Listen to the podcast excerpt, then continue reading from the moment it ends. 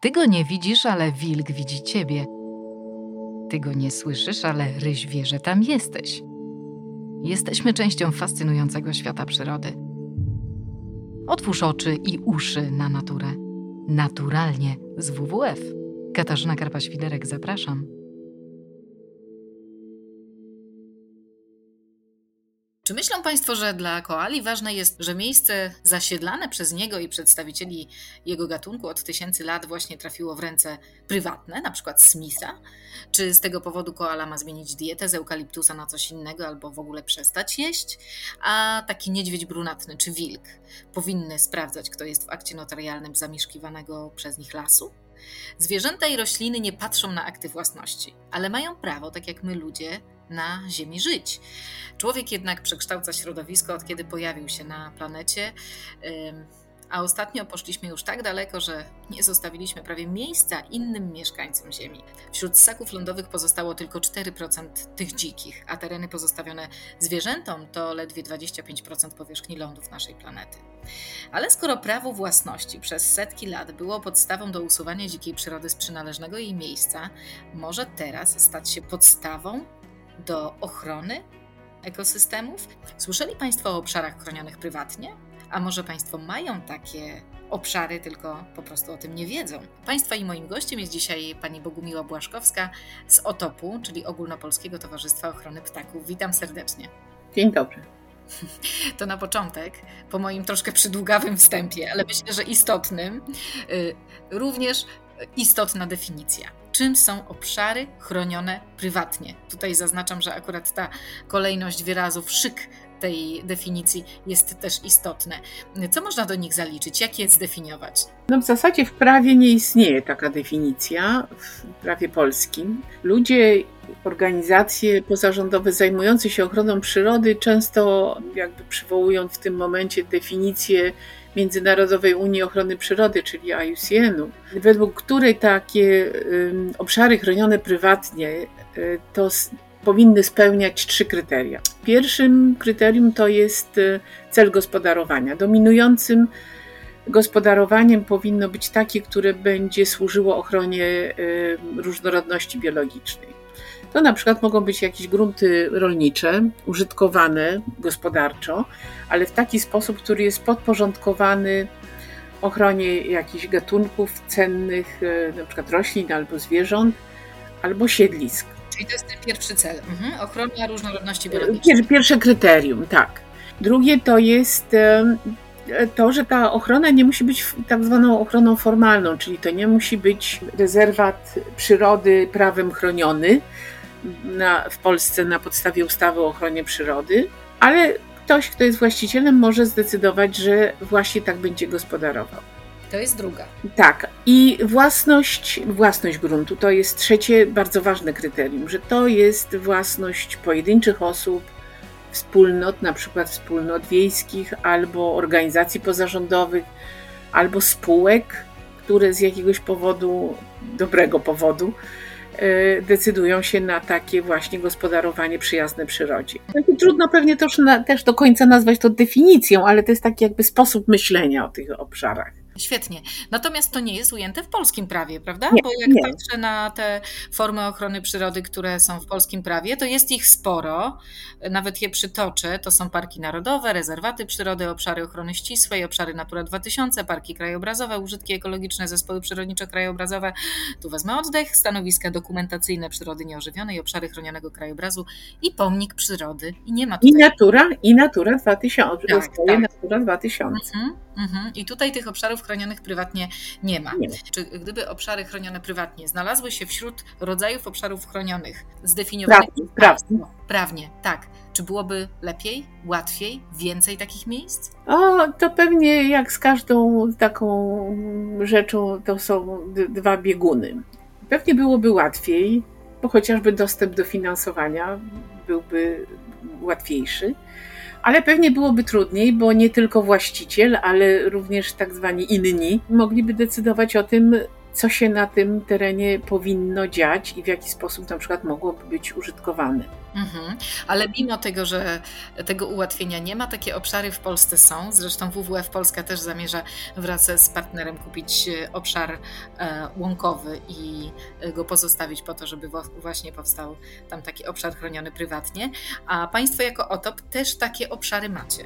Tak, OTOP jest tą właśnie jedną, jednym z tych e, właścicieli, który, który zdecydował się na gospodarowanie, własne gospodarowanie.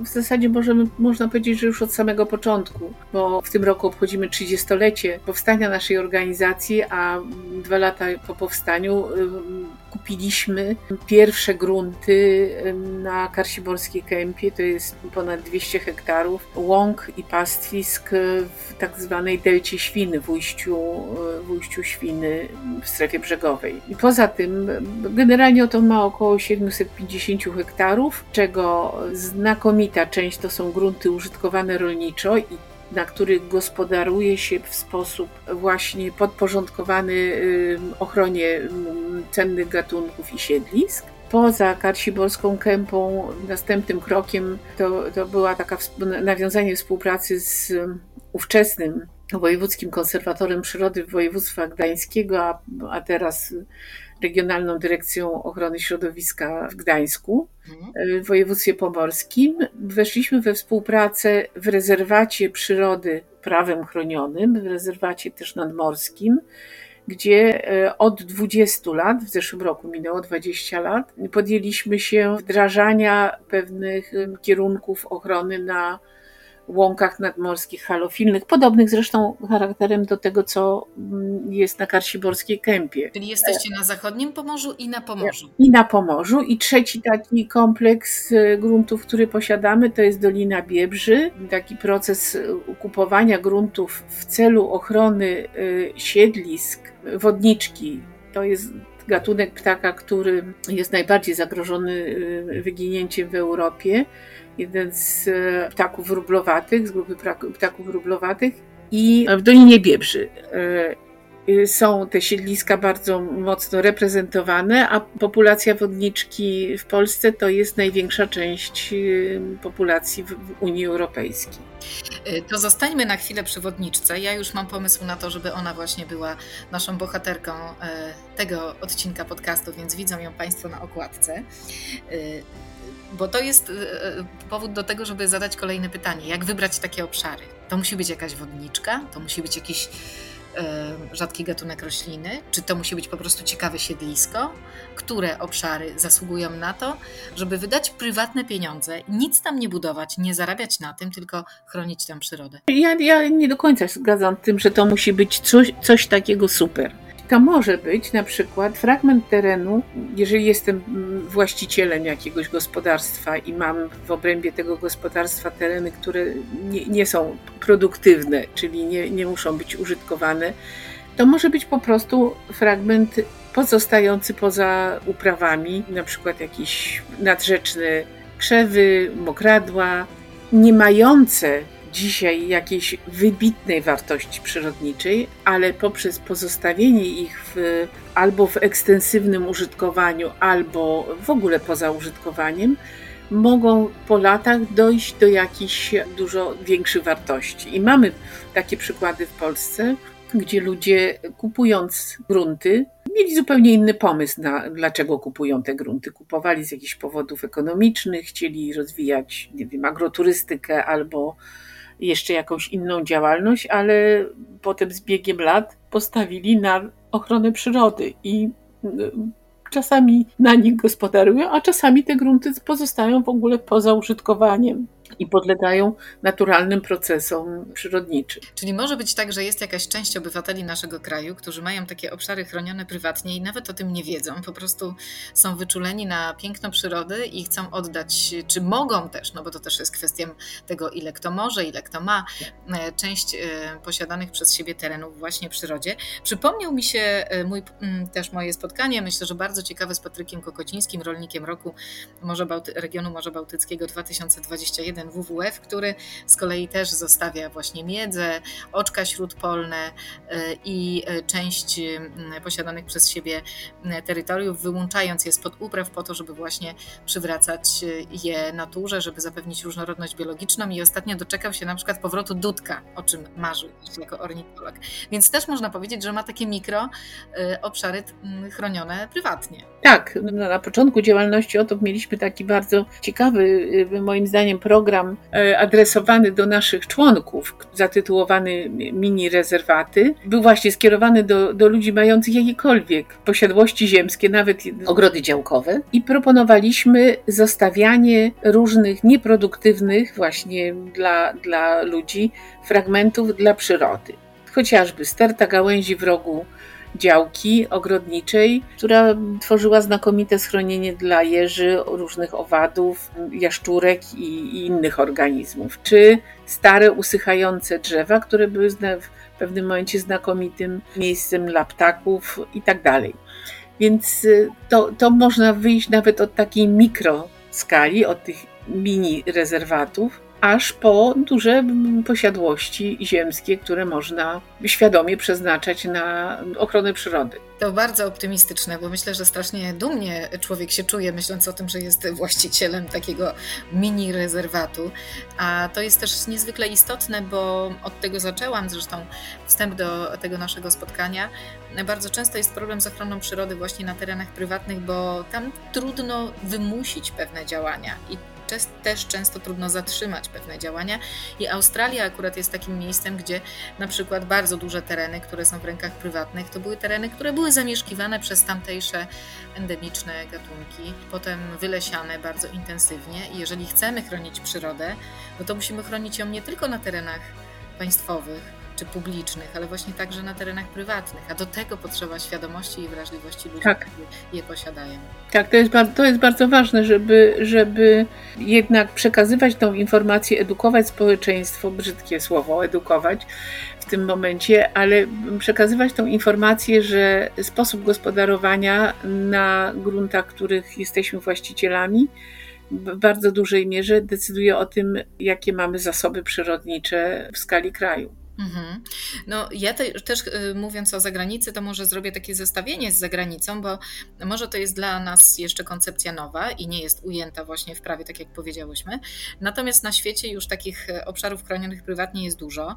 Mm, Europa jest liderem, jeśli chodzi o kontynenty, bo to jest prawie 9200. Na drugim miejscu jest Ameryka, 400 ponad takich miejsc, Afryka 223, Australia 55, Azja e, tylko 4. A te najbardziej znane to chociażby najstarszy holenderski park narodowy w Holandii nazywa się Velu Vezum, mam nadzieję, że dobrze przeczytałam. W Namibii to jest Namib Rand, unikatowy ekosystem pustynny, a w Finlandii jest na przykład tak zwany las nowicjusz po przetłumaczeniu na nasz język. W Nowej Zelandii z kolei Hinewai i to jest obszar, który jest poświęcony przede wszystkim na odtwarzanie naturalnego e, ekosystemu. Możemy zatem czerpać inspiracje też z zagranicy. Wy czerpiecie jako OTOP? To znaczy, my czerpiemy na pewno. Mamy już w Polsce też wiele przykładów nie tylko otopu, ale również innych prywatnych obszarów chronionych, chociażby w Bieszczadach. To jest powierzchnia mm, ponad 60 hektarów, gdzie od 30 lat osoba prywatna gospodaruje tak, żeby zachować cenne przyrodniczo łąki. Czy y, pod Warszawą w powiecie żerdowskim y, stawy hodowlane, które były prywatną własnością, świadomie przez właścicieli przeznaczone jako ostoja ptaków, ostoja przyrody. Czy inne stowarzyszenia, podobne jak, jak OTOP, Pronatura, czy Polskie Towarzystwo Ochrony Ptaków, taka nasza siostrzana organizacja, oni chyba jako jedni z pierwszych zaczęli kupować grunty i świadomie je przeznaczać właśnie na ochronę. Mm, oto może czerpać dobre doświadczenia z siostrzanych organizacji BirdLife International. Najstarszą taką organizacją w BirdLife jest RSBP, Królewskie Towarzystwo Ochrony e, Ptaków w Wielkiej Brytanii, które ma, e, o ile się nie mylę, ponad 200 rezerwatów, który w różny sposób gospodaruje, począwszy od działań na rzecz ochrony siedlisk i ptaków, określonych ptaków, gatunków, po rezerwaty, które pełnią właściwie rolę bardziej edukacyjną. Takim przykładem jest rezerwat Minsmer, położony blisko Cambridge. Można ten, ten obiekt odwiedzać, otrzymywać bardzo dużo informacji, oglądać ptaki z bliska, wszelkiego rodzaju ułatwienia związane z penetracją tego obszaru są tam przygotowane a z drugiej strony są rezerwaty o powierzchni tysiąca hektarów, gdzie w zasadzie nie ma odwiedzających, gdzie nie ma, nie, nie nastawione tak na żadną turystykę przyrodniczą, gdzie wypracowuje się pewne metody czynnej ochrony układów też akurat rolnych, polno, polno-łąkowych. To chciałam się zapytać, jak wygląda właśnie zaangażowanie ludzi do pomocy na takich obszarach? Czy ktoś, kto sam takiego obszaru nie ma, ale jest miłośnikiem przyrody, może być taką pomocną ręką w tworzeniu bądź prowadzeniu takich czy utrzymywaniu takich miejsc? Społeczny czy prywatny rezerwat przyrody to jest e, i zakup ziemi to jest właściwie początek, złapanie myszy za ogon. Mhm. Bo dopiero idąc dalej, okazuje się, że jest mnóstwo spraw, którymi się trzeba zająć, i żeby to dobrze funkcjonowało i spełnia i szło w, w kierunku tego postawionego celu, trzeba to wszystko bardzo dobrze organizować. Kupienie ziemi to jest jedno, i to też trzeba jasno powiedzieć, w Polsce w tej chwili jest dosyć dużym problemem. Począwszy od tego, że to jest drogie, jest pewien skomplikowany dostęp do gruntu tak, szczególnie rolnego, reguluje to taka właśnie ustawa o obrocie gruntami, poprzez zdobycie wiedzy na temat tego, co mamy w zasadzie, co myśmy kupili, czy jaki. Czasami jest tak, że kupujemy teren, o którym wiemy, że jest cenny przyrodniczo. Tak było w przypadku Karsiborskiej Kępy, o której wiedzieliśmy, że jest to jedno z ostatnich stanowisk lęgowych wodniczki w populacji zachodniopomorskiej. Dlatego zdecydowaliśmy się jako oto kupić te grunty, a czasami po prostu tak nam się potoczyły losy przy kupowaniu gruntów w Dolinie Biebrzy, że kupując działki ważne, istotne dla e, populacji wodniczki, kupowaliśmy również jakby w pakiecie grunty o może mniej rozpoznanej wartości przyrodniczej i trzeba po prostu znać wartość, wiedzieć czym dysponujemy, w jakim kierunku możemy iść z naszymi pracami ochroniarskimi. Te informacje trzeba sobie samemu wytworzyć. To, to trudno, trudno powiedzieć, że, że szukamy, y, że mamy jakieś zasoby, do których można sięgnąć, jakąś bazę czy jakąś księgę otwieramy i wiemy, co tam jest. tam jest. Nie, to trzeba po prostu samemu wypracować i to już jest jedno z pól, które można zagospodarowywać właśnie zapraszając ludzi do współpracy, ale tym terenem trzeba zarządzać. Trzeba być cały czas tam na bieżąco, widzieć, co się dzieje, jak, w jakim kierunku idą różne procesy przyrodnicze, co się na przykład dzieje z wodą, co się dzieje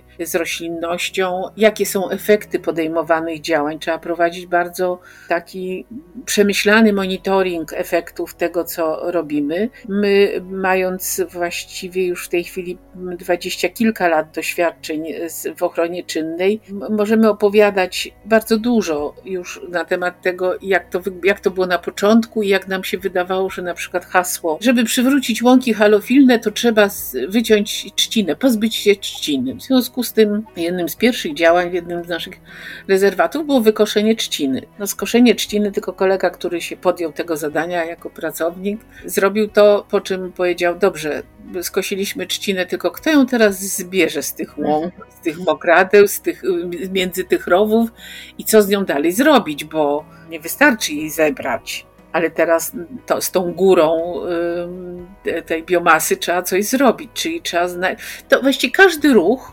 generuje kolejne pytanie, kolejne problemy, z którymi się trzeba zmierzyć i znaleźć jakieś sensowne rozwiązanie i generuje też koszty, prawda?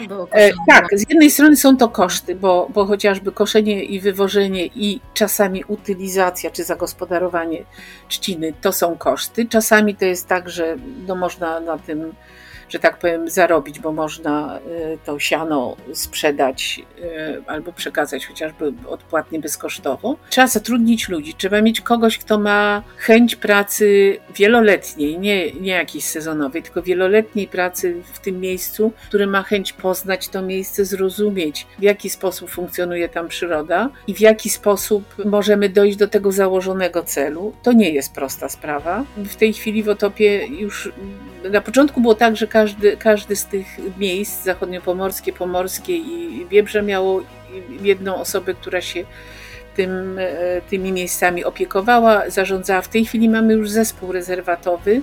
I to są osoby o bardzo różnych doświadczeniach, o bardzo różnych wykształceniach. Mamy w tym naszym zespole przyrodników, ornitologów, świetnych e, znawców ptaków.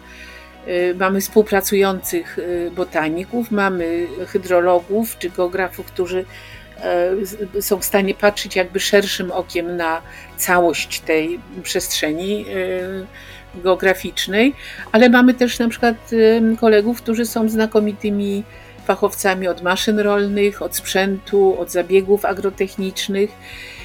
I ciągle widzimy potrzebę włączania do tego zespołu ludzi o jeszcze innych kwalifikacjach i umiejętnościach, chociażby osoby od owadów, chociażby osoby od nietoperzy, bo za każdym rogiem nam się pojawiają kolejne pytania, niespodzianki, mhm. bardzo ciekawe rzeczy do, do rozwiązania. A czy można w takim razie jakoś liczyć na dofinansowanie e, takich praktyk? Czy, czy, czy tutaj może Pani coś doradzić, czy to już we własnym zakresie? No, to, to jest sprawa, że tak powiem, e, różna. Na pewno, jeżeli mamy te umiejętności, znaczy prywatny, tak, inaczej powiem, e, prywatny właściciel gruntów rolnych może się starać o takie specjalne dopłaty rolne, poza dopłatami tymi podstawowymi, czyli tak zwanymi bezpośrednimi, o dopłaty rolno-środowiskowo-klimatyczne. E, to jest pewien zestaw działań e, finansowany, e, finansowany z budżetu Unii Europejskiej i częściowo z budżetu krajowego w celu gospodarowania pod kątem zachowania siedlisk dla pewnej grupy e, zbiorowisk roślinnych i siedlisk ptaków. Tak generalnie mówiąc. To jest odpowiednia procedura. Można o to występować. Trzeba być tylko tak zwanym rolnikiem, ale jak się ma więcej niż jeden hektar gruntu, to jest to do, dosyć proste do do, do zorganizowania. Inaczej też ma się sprawa, jeżeli jesteśmy organizacją, możemy występować oczywiście o różnego typu granty i projekty finansowane z bardzo różnych źródeł, e, nie tylko na ochronę przyrody, ale również wiele, wiele takich źródeł finansowania ukierunkowanych na pracę ze społecznościami lokalnymi też zawiera pewne możliwości finansowania działań właśnie w kierunku ochrony przyrody, angażując to miejscowych y, y, mieszkańców okolic y, takiego, takiego terenu. Trzeba ludziom pokazać, że nie jest się tylko biorącym pieniądze i zarabiającym na terenie, ale dającym coś dla tego terenu.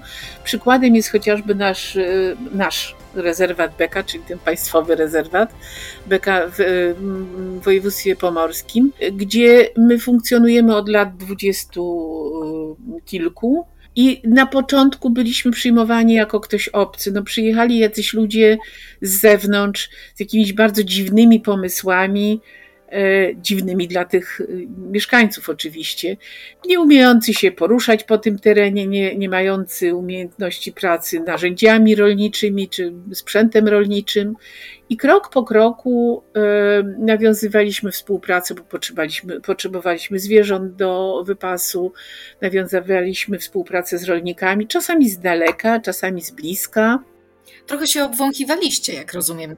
Tak, do, dokładnie. To było takie trochę badanie. Poza tym e, część tych, z tych osób nas nie ulega wątpliwości, nas obserwuje, patrzy, jakie są nasze e, efekty naszego działania, ale potem zaczęły, zaczęły się pojawiać e, pewnego rodzaju inwestycje. Ten obszar zaczął być ciekawy turystycznie. Rok po roku coraz więcej osób przyjeżdżało z, z różnego powodu, czy na ptaki, czy po prostu przejechać rowerem na ptaki, żeby oczywiście nie polować, tylko żeby. Oglądać, je... oglądać ptaki, obserwować, e, robić zdjęcia, filmować.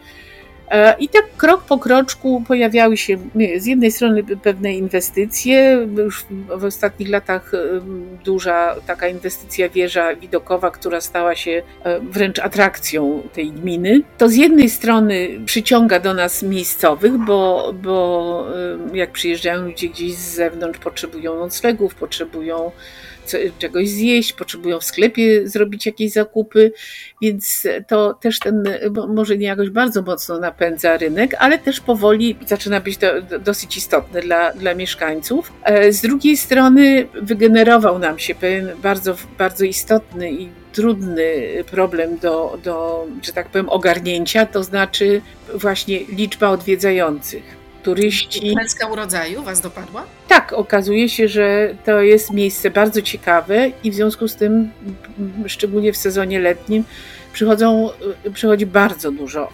odwiedzających z, z różnych powodów. Począwszy od spaceru z wózkiem, z dzieckiem i z psem, co już jest pewnym konfliktem, skończywszy właśnie na tych birdwatcherach, amatorach czy zawodowcach, którzy przyjeżdżają oglądać ptaki, które są tutaj albo liczne, albo rzadkie. E, ten, te, ten, e, ta konieczność e, sterowania tym ruchem turystycznym, tak żeby nie szkodzić przyrodzie i żeby jednak te gatunki, dla których ochrony utworzono jest rezerwat, zostały, miały miejsce dla siebie właściwe, czyli odpowiednią powierzchnię w odpowiednim czasie, y, warunki wodne i tak dalej, spowodowało, że zorganizowaliśmy coś na kształt społecznego patrolu pracującego, szczególnie właśnie w weekendy, kiedy jest to największe natężenie ruchu odwiedzających. I ten y, patrol pracuje społecznie i w części składa się z okolicznych mieszkańców. Społeczny patrol, który nam pomaga kontrolować liczbę odwiedzających i jakoś zabezpieczać e, teren przed e, tym zagrożeniem, jakim jest niekontrolowana penetracja przestrzeni rezerwatu.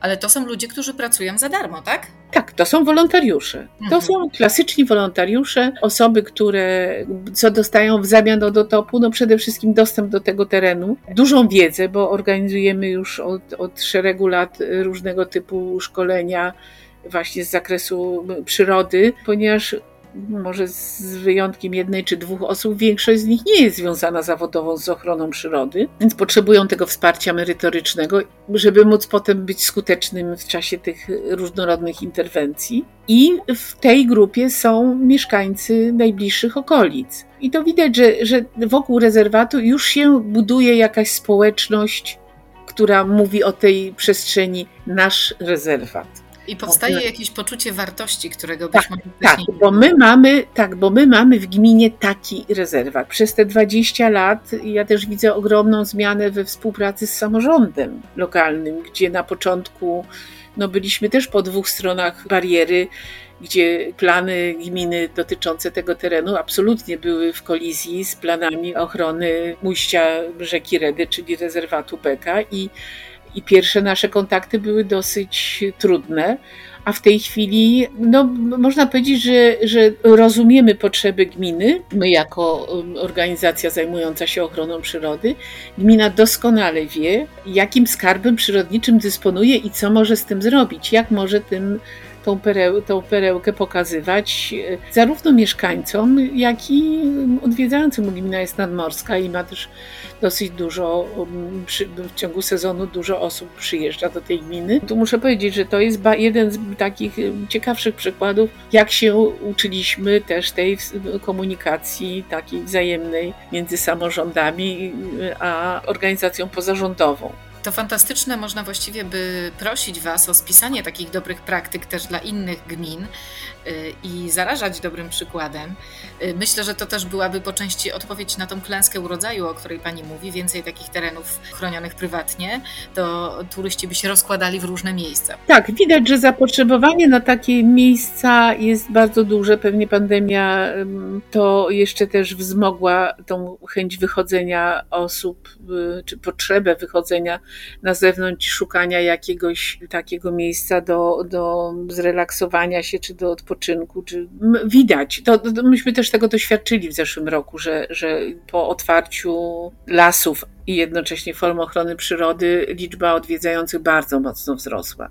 I w związku z tym nasilił się właśnie ten konflikt, szczególnie w sezonie lęgowym, między ochroną przyrody a, a, turystyką. To już tak zmierzając powolutku do końca, myślę, że wiele informacji ciekawych padło i mam nadzieję, że Państwo będą e, zainspirowani do tego, żeby albo się włączyć jako wolontariusz, albo się przyjrzeć, albo chociaż zobaczyć, albo chociaż u siebie jakoś zadziałać i taki prywatny obszar chroniony, e, nawet nieformalny, stworzyć. E, I chciałabym jeszcze jedną rzecz zanotować na sam koniec, bo jakby jesteśmy częścią większej całości. Przyroda nie zna granic, zwierzęta i rośliny nie znają granic, nie czytają map. My jako ludzie y, czasami o tym zapominamy. Natomiast chroniąc przyrodę, powinniśmy myśleć o takim chronieniu na całej planecie. I dlatego tak ważne jest, że akurat dzisiaj, kiedy my emitujemy nasz podcast, kiedy pojawia się ten odcinek, rozpoczyna się 15. konwencja stron dotycząca różnorodności biologicznej, czyli taki COP, taki szczyt klimatyczny, ale dotyczący nie klimatu, a właśnie różnorodności biologicznej. I tam państwa będą składać e, zobowiązania do tworzenia obszarów chronionych nawet na 30% lądów i mórz na świecie.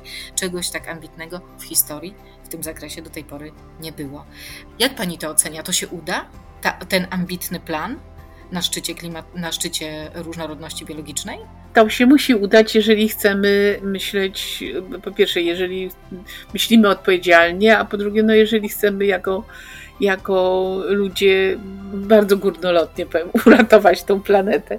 Chyba nie mamy specjalnie wyjścia, chociaż na pewno nie będzie prosto i na pewno nie będzie łatwo. To widać po E, wszelkiego rodzaju dyskusjach no, na poziomie polityków, że, że jednak to myślenie w kategorii y, ekonomicznej, szybkiego zarobku tak dominuje, że zmiana myślenia, zmiana e, mentalności ludzi to jest bardzo, bardzo, bardzo długofalowy proces. I wydaje mi się, że, że jednak musimy to zrobić, bo naprawdę daleko nie zawędrujemy, jeżeli wszystko będziemy zamieniać na szybki pieniądz. Zgadzam się z tym w całej rozciągłości i czy te obszary chronione prywatnie, nad którymi dzisiaj się pochyliłyśmy, y, one mogą być też częścią odpowiedzi? Tak, tak. Szczególnie, że, że państwo w tych ostatnich y, latach 20, 30 nie wykazuje jakiejś wie, wielkiej troski o obszary chronionej przyrody, bo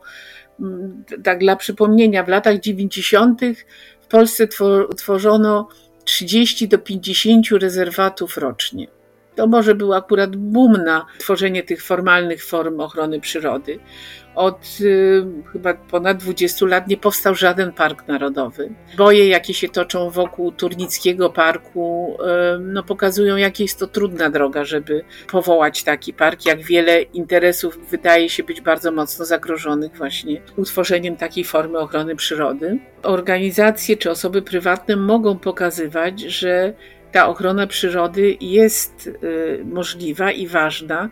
Oczywiście ilościowo nie będzie to y, tak wielkie, pewnie nie, nie będziemy mieć tylu prywatnych sponsorów, którzy będą mogli utworzyć tak dużo rezerwatów przyrody, y, jak państwo, ale też trzeba przypomnieć, że podwaliną pod taką publiczną ochronę przyrody, tą państwową ochronę przyrody, jest też e, podwalinami jest też ochrona inicjowana przez prywatnych właścicieli ziemskich, począwszy od Puszczy Białowieskiej, poprzez e, rezerwaty prywatne, tworzone w okolicach e, Pienin i będące podwaliną pod utworzenie Pienińskiego Parku Narodowego. To zdaje się stulecie utworzenia takiego prywatnego rezerwatu w tamtych okolicach.